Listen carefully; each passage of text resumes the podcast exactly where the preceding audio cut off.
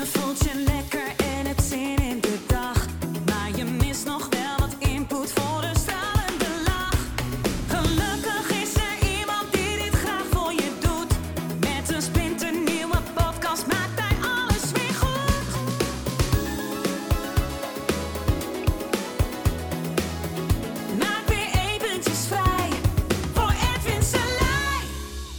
Ik las een eh, stukje en het verbaasde mij ten zeerste. En eh, het stukje ging over eh, Suzanne Smit. Nou, zij is schrijfster van allerlei boeken. Ehm, een spirituele dame, hè, als ik dat zo mag zeggen. Ik, ken haar verder niet, maar ze schrijft veel over liefde en, en, en spiritualiteit. En ehm, ze had het erover hoe moeilijk ze het had als haar kinderen naar haar ex gingen. Ehm, dat kan ik me heel goed voorstellen. Eh, tenminste, ja, ik ben geen vrouw, hè, zoals u eh, weet. Ehm, maar die reactie vond ik wel interessant. Zeg, ja, dan lag ik eh, huilend op de keukenvloer, vol van emotie. En was ik aan het huilen op de keukenvloer dat mijn kinderen een paar dagen naar mijn ex gingen. Vroeg ik me gewoon een paar dingen af.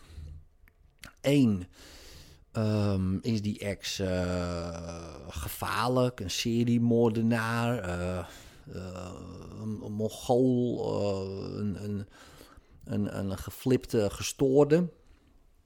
En dan kan ik me voorstellen. Maar goed, dan zou je ze er ook niet heen laten gaan. Ja, dus, dus dat zal dan wel niet.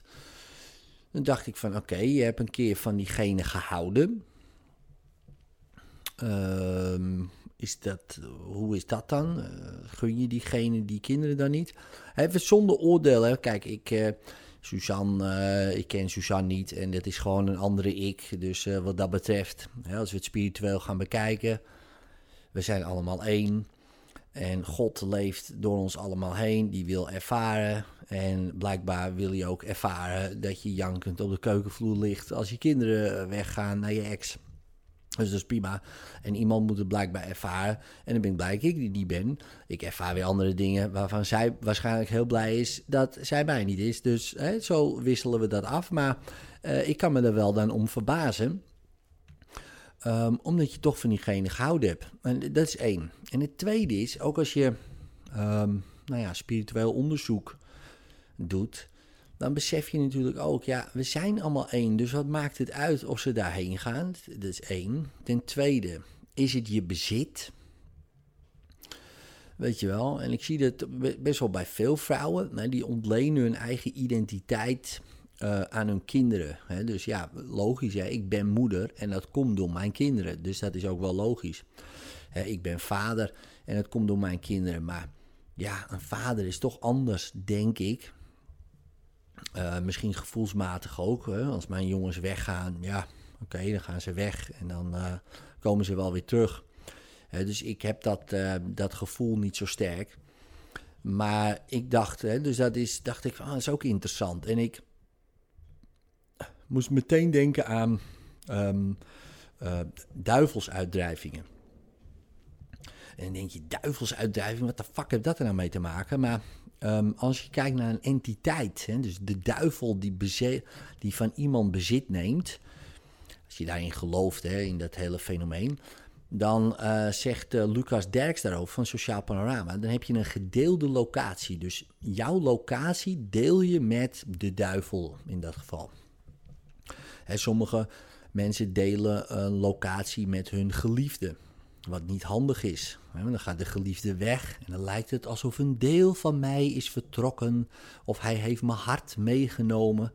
Eh, dat is natuurlijk kut, want ja, dan ben je dood hè, als je echt je hart meeneemt. Ehm, maar dat is dan natuurlijk altijd een figure of speech. Maar het voelt nog net zo, nou niet net zo, maar eh, het voelt eh, niet lekker. Maar dat komt omdat het, is jouw hart. Daar moet je niemand in stoppen. En dat klinkt gek. Zeg, ja, ik heb je in mijn hart gestopt. Denk alsjeblieft niet, joh. Ik heb mijn eigen hart. Ik heb mijn eigen locatie. Ik heb mijn eigen leven. Eh, en jij hebt jouw locatie, jouw leven en jouw organen zijn lekker van jou. Ik hou van je, maar ik hoef niet in je hart. Nee, want stel je voor er gebeurt wat met mij, dan ben jij je hart, eh, dan, dan heb je ook eh, heb je hartpijn. Dat heb je misschien even goed wel. Eh, maar dan nog veel erger. Snap je wat ik bedoel? En, en eh, sommige vrouwen, nou, ik denk in dit geval uh, Suzanne ook, die, ja, die heeft haar kinderen gewoon een locatie gegeven bij haar. Dus dan zijn ze allemaal één. Nou, en als ze dan, als ze dan vertrekken, dan is dat heel pijnlijk. Want dan vertrek jij. Alleen het vervelende is, en dan zegt ze, ja, ze is uh, zo lief. Die, mijn dochter komt ze, oh mama, ik heb je gemist. En dan vind ik dan zo lief om te horen. En denk ja, dan ga je de rol verschuiven van je volwassen ik uh, op je dochter. Dus die moet dan opeens mama gaan spelen voor jou. Uh, en dan denk ik, dat is ook niet handig. Maar dat komt door die locatiedeling. je bent, je hebt, je, in wezen zou je die kinderen uit moeten drijven. en dan niet natuurlijk letterlijk het huis uitdrijven natuurlijk, maar gewoon uit je systeem. En um, want uh, ja, daar ga je problemen mee krijgen. Want als ze klein zijn, dan gaat het nog wel. Uh, maar wat denk je als ze groot zijn? Of wat denk je als ze, weet ik veel, uh, hoeren snoeren, geweld plegen, vandalistisch worden? Dan heb jij dat gedaan voor je gevoel, want dat is jouw hart. En dan, en dan kan je ze niet eh, vergeven, want je kan jezelf daar niet in vergeven, want jij bent niet zo. Nee, dat klopt. Want jij hebt je eigen space en zij hebben hun space. Maar vergis je niet, als jij een gedeelde locatie hebt, zij willen zich ook hun eigen locatie eigenen. Dus hoe meer jij die locatie deelt met je kinderen, hoe meer zij zich gaan afzetten tegen je. Dus wij hebben al heel vroeg. Um, onbewust, maar ook bewust, uh, onze jongens een eigen locatie gegeven. Meteen al. we hebben vier jongens, ze hebben allemaal hun eigen locatie. Dus natuurlijk, hè, je mist die jongens als ze een week weggaan of wat dan ook. En dan gaan ze op reis of uh, wat dan ook.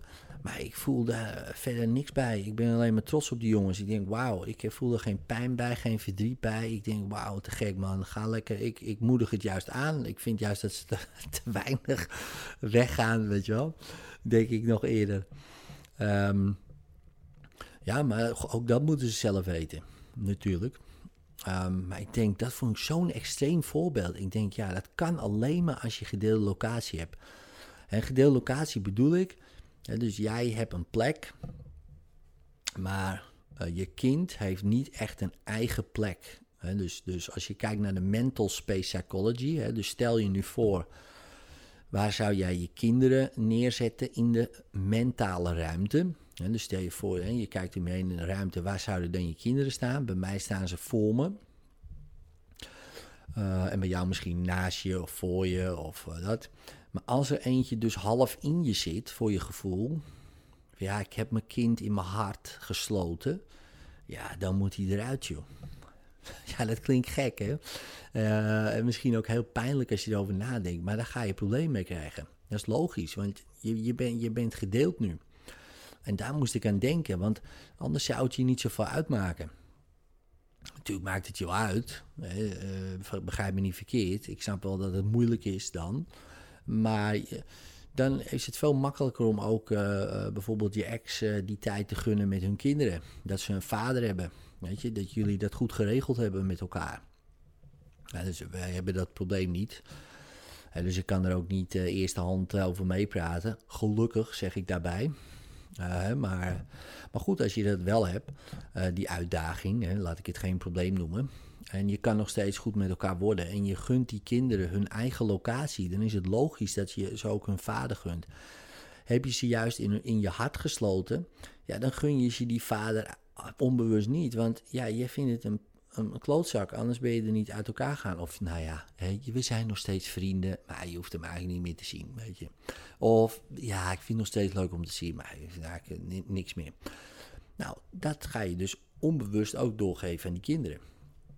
Want jullie delen die locatie. dus, dus een goede uitdrijving zou lekker zijn. En nogmaals, dit is uh, zonder oordeel of zo, wil ik er even bij zeggen.